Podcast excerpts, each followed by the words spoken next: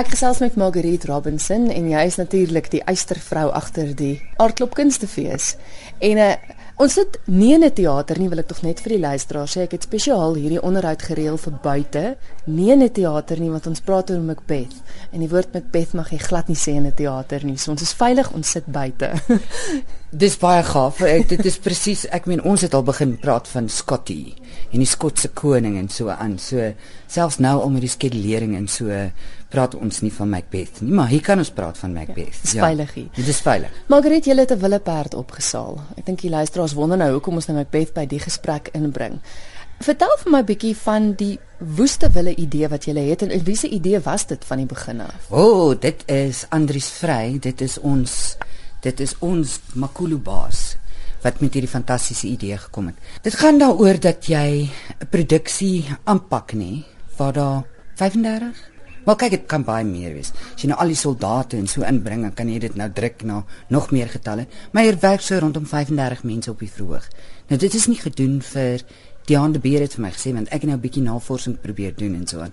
Sy sê nie in tweede dekades weet sy van so groot produksie nie. Ons praat nou van 'n teaterproduksie. Sluit nou musiek bly speel en so uit wat op so groot skaal gedoen is nie. Nie in Afrikaans nie, nie in Engels nie.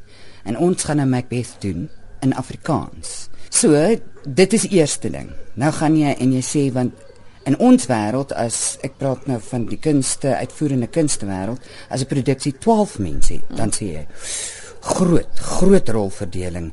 Jy weet, hoe gaan jy dit kan bekostig? So as jy nou kom met so iets dan ag, jy weet mense se reaksie sommige was dis onmoontlik. Maar hier sit jy en jy dink skouspel. Ons waar's die skouspel in teater? Ons ons kan nie net almal terugsit en sê, weet jy, dit kan nie gedoen word nie. Okay, nou kom ek terug by die wille idee van Andries Vry. Wat jy nou sê, want jy dink hierdie kant toe en jy dink daai kant toe en dit gaan daaroor dat hy sê ons hou 'n gala aand en ons verkoop kaartjies. En dit gaan uit uiteraard mense wees wat regtig 'n passie het vir die uitvoerende kunste en vir die kunste. Ons praat hier selfs in 'n breër breër konteks mm. en ek sou vir jou net nou sê hoekom. En die verkoopkaartjies vir hierdie gala aand, R5000 'n kaartjie. Mm. Ja. Maar dit is daarom vir twee mense. So dit moet mense met geld wees. Weet jy ja, dit moet mense met geld wees. En dit moet mense wees wat sê, weet jy, ek het nou die afgelope 3 jaar nou nog nie een of ander vorm van my geld weggegee nie, maar hierdie ding trek my aan. Dit sal ek nou doen. So Ons gaan dit hou die 19de Julie, dis 'n Vrydag aand en ons gaan dit hou by die WNR um se konferensiesentrum. En dit gaan 'n fantastiese aand wees. Ons gaan daar gaan ongelooflike mense wees wat optree. Ons het mense wat vir ons die program mooi gaan laat vlot. Ek het besluit die drag sal wees swart met 'n tikkie rooi. Dramaties. So, hmm. Mense gaan nie sê formeel nie. Ek dink dit sal net 'n verskil wees en bietjie meer interessant om te sê dramaties met 'n tikkie rooi. Hmm want by in Macbeth vloei die bloed dit vloei. So met ander woorde die gala aand wat nou die 19de Julie is is om geld bymekaar te kry sodat Macbeth by die aardklopkunstefees opgevoer kan word. Ja letterlik is dit 'n geval van so gaan ons die pre-produksiekoste dek. Mm. jy kan dink as jy 35 as jy 35 mense op 'n verhoog het nee dan moet jy weet daar is min of meer 7 8 mense wat soort van agter die skerms werk. Mm. So ons praat hier van oor die 40 mense wat betrokke is by so 'n produksie. En dit is enorm. En salarisse, salarisse want jy kan nie dikwels nou, nie dikwels nie. Ek dink dit is enorm. As mense deesdae repeteer, dan doen hulle dit vir 3 weke. Jy kan dit nie doen met Shakespeare nie. Verkieslik het jy 6 weke nodig, maar jy weet so 4 weke en hier en daar ekstra met iemand, ehm um, kan jy dit doen maar dit is enorme onkoste. Ek wil gou ons moet praat oor die onkoste. As mens praat oor so 'n groot rolverdeling en so 'n groot produksie, is geld die enigste uitdaging? Is dit bloot net 'n kwessie van om te sê ons het baie geld nodig om die produksie op die planke te bring of is daar ander uitdagings ook? Daar's verskeie uitdagings. Geld, die eerste laat ons sê, laat ons net maar eerlik wees, is geld. Want waar kry jy die geld vandaan? Maar 'n ander nogal wat interessant was toe Martinus Martinus Passon is die regisseur toe hy nou so begin kyk en nou moet jy besluit wie speel wat en so. Jy weet en op 'n kolle sê hy, maar het ons genoeg akteurs vir baie spesifieke rolle? En hy het baie spesifieke idees maar nou moet jy weet oor dit nou by die fees debuteer speel mense ook in ander goeters en mense moet onthou mense speel deesdae nie net in een produksie by fees hulle kan nie. Hulle kan nie. Hulle kan eenvoudig jy weet as dit papreën moet hulle skep. So die skedulering is 'n nagmerrie want hierdie een speel in Macbeth en daai een speel in Chop en Dop en hierdie een speel in Wie drink wat 'n splinter nuwe drama wat ons daar gaan hê en so gaan dit aan en nou moet jy hierdie goeters begin so uitwerk. En die ding is jy kan nie vir 'n akteur sê jy mag nie in daai ding speel nie want ons soek jou in Macbeth jy kan nie want hulle is so afhanklik van werk en van die geld. Nee. Dit is glad nie gedoen nie in daai opsig het dit daarop gewerk. Interessant genoeg gaan dit ook dan oor repetisietye. Mm, mm. Want sekere mense kan net sekere tye mm. repeteer, so as die repetisietye ook bots. Hier en daar moes mense keuses maak. Oh, maar van die begin af het ons het ehm um, Martinus gesê hy wil vir David Minnar hê as die Skotse koning. Mm -hmm. En hy gaan asseblief, dit gaan Anna Mart wees van 'n merwe vir Lady Macbeth wat daar oeg wat agter hierdie man staan en hom nog verder dryf tot vreeslike dade, die magsig.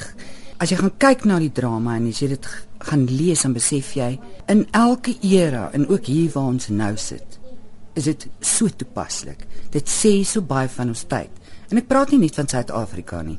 Ek praat jy weet in soveel dele van die wêreld hierdie magsbeheptheid, hierdie verswelgende ding wat kom en alles en almal net so vertrap en in sy geval doodmaak om heel bo uit te kom. Ek dink dit is fantasties dat daar besluit is om Shakespeare te doen want baie mense het alsoos van 'n blok oor Shakespeare.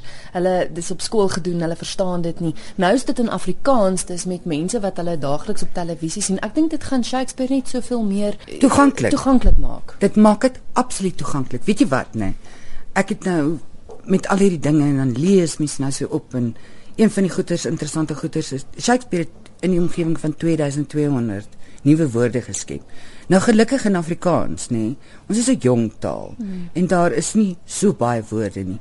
In die eerste plek is dit baie meer verstaanbaar. En interessant genoeg, dit ongelukkig nou deesdae moet jy letterlik skool vir skool vir skool bel want mense skryf basies volgens keuse voor. Hmm. Daar's nou nie meer 'n departement wat sê dit word voorgeskryf nie. So ek het al in Gauteng vyf skole opgespoor waar dit by Afrikaanse skole aangebied word. Nie in die hoër grade nie, dit is hierso ek dink tussen 10 en 11 en 9 dalk selfs, maar dit is kinders wat dan ook Engels as eerste taal neem. Hulle is by Afrikaanse skool, dink in die ou dae Nou dat ek um, dat ek maar my ouderdom hier so weggee, het hulle gepraat van Engels hoërgraad. Met ander woorde vir daai gehoor om na die Afrikaanse Macbeth te gaan kyk. Dit gaan vir hulle wêrelde oopmaak. Jy het nou David Minnar en Anna Mart van der Merwe se name genoem waaroor ek kinderlik opgewonde is, maar daar's nog 'n klomp ander groot name wat ook betrokke is. Gys de Villiers is betrokke. Louis van Niekerk is betrokke. Nou moet ek vir jou sê as dit by die ander kom, is daar daar's een mens wat ons nou so duime vashou. So daar's 'n daar gaan 'n paar verrassings ook nog uitspring van wie anders betrokke is. Dit is regtig dit gaan iets wees soos mense in dekades nie gesien het nie. Die 19de Julie is die gala aand. Hoe maak mense as hulle kaartjies wil koop? En want want as ek verstaan ook dan as jy daai aand nou bywoon, word jy 'n vriend van Shakespeare. Ja nee, kyk, dit het 'n bietjie gelag afgegee want ons het besluit mense wil waarskynlik nie bekend staan as vriende van Macbeth nie. So, kom ons maak dit vriende van Shakespeare. En wie weet, jy weet wat gee dit in die toekoms af al hierdie vriende van Shakespeare. Al die programme wat gedruk word, gaan al daai mense se name gaan verskyn as vriende van Shakespeare. So dit is 'n um, ehm, dis 'n vorm van erkenning en betrokkenheid by die uitvoerende kunste, maar ook 'n erkenning erkenklikheid en uh, gulhartigheid om te sê ons wil dit doen. Ons wil sulke goeie sien. En wat wonderlik is van 'n aand en ons het probeer dit deurtrek dat as jy praat van die uitvoerende kunste dan praat ons vir die kunste en met ander woorde ons bly onder daai sambreelwerk want om kunstenaars te nader, né? Nee, beeldende kunstenaars, visuele kunstenaars en vir hulle te vra, luister dit is wat ons wil doen is dit moontlik dat jy 'n werk sal skenk dat ons dit die aand kan opvul. Die reaksie is ongelooflik. Daar is 'n paar van hulle wat betrokke is. Vinnig noem gaga van die name wie se skilderye opgevou gaan word. Wel die heel eerste een wat ons gekry het, is Strydom van der Merwe, want Strydom van der Merwe is van jare ons feeskunstenaar. So dit maak natuurlik ongelooflik sin om te sê daar's 'n werk ook van Strydom van der Merwe. Hmm. Daar's 'n werk van ehm um, Jan van der Merwe, daar's 'n werk van Marco Chan van Nelly, van Gerard Marx, ongelooflik. Ook ehm um, hierdie is 'n interessante een. Met Hanneke Benadi gepraat. Sy is seker een van die beste portretskilders wat ons het. Dit het daai ek weet nie so kwaliteit, so magiese, mm. so wasige kwaliteit haar werke. En toe nou gedink, kom ons vra vir haar, is sy nie lus om vir Anne Mart van 'n merwe te skilder nie. Sy sê dit is 'n fantastiese idee. Sy sal dit met liefde doen. Maar sal Anne Mart dit doen. En dan praat jy met Anne Mart en sê sy met liefde sal ek dit doen want ons doen dit almal vir die kunste. Hmm. So sy gaan nou geskilder word en die skildery gaan ook opgevou ja. word in 19de. Ja, nee. En dan het ons vir Martinus gesê Martinus is buiten dat hy, jy weet, een van die top regisseurs in die land is, is hy ook regtig 'n baie goeie ontwerper. En jy moet van die ontwerpe sien wat van hierdie van hierdie man oral oor is. Hoe hy teken is nie ongelooflik. En so het ek nou maar vir Martinus gesê, nee, maar jy sal maar vir ons van jou ontwerpe vir Macbeth 2 sê net maar een vir kostuum en een miskien vir stel en so aan sal hy ook vir ons skenk. So daar gaan Macbeth wegneem produkte wees. Kom stel dit so. dit klink vir my julle ding groot. Margaret vinnig gou, hoe maak luisteraars as hulle die 19de Julie se funksie wil bywoon? Weet jy heel maklikste gaan wees ons gaan uitstuur vir die hele wêreld in sy maat. So alle databasisse wat ons het, ons eie databasis. Maar dit is baie makliker om een versamelpunt te hê ook want dan kan ek help om soort van seker te maak goeders kom by mense uit. So ek sal voorstel hulle moet vir my 'n e e-pos stuur.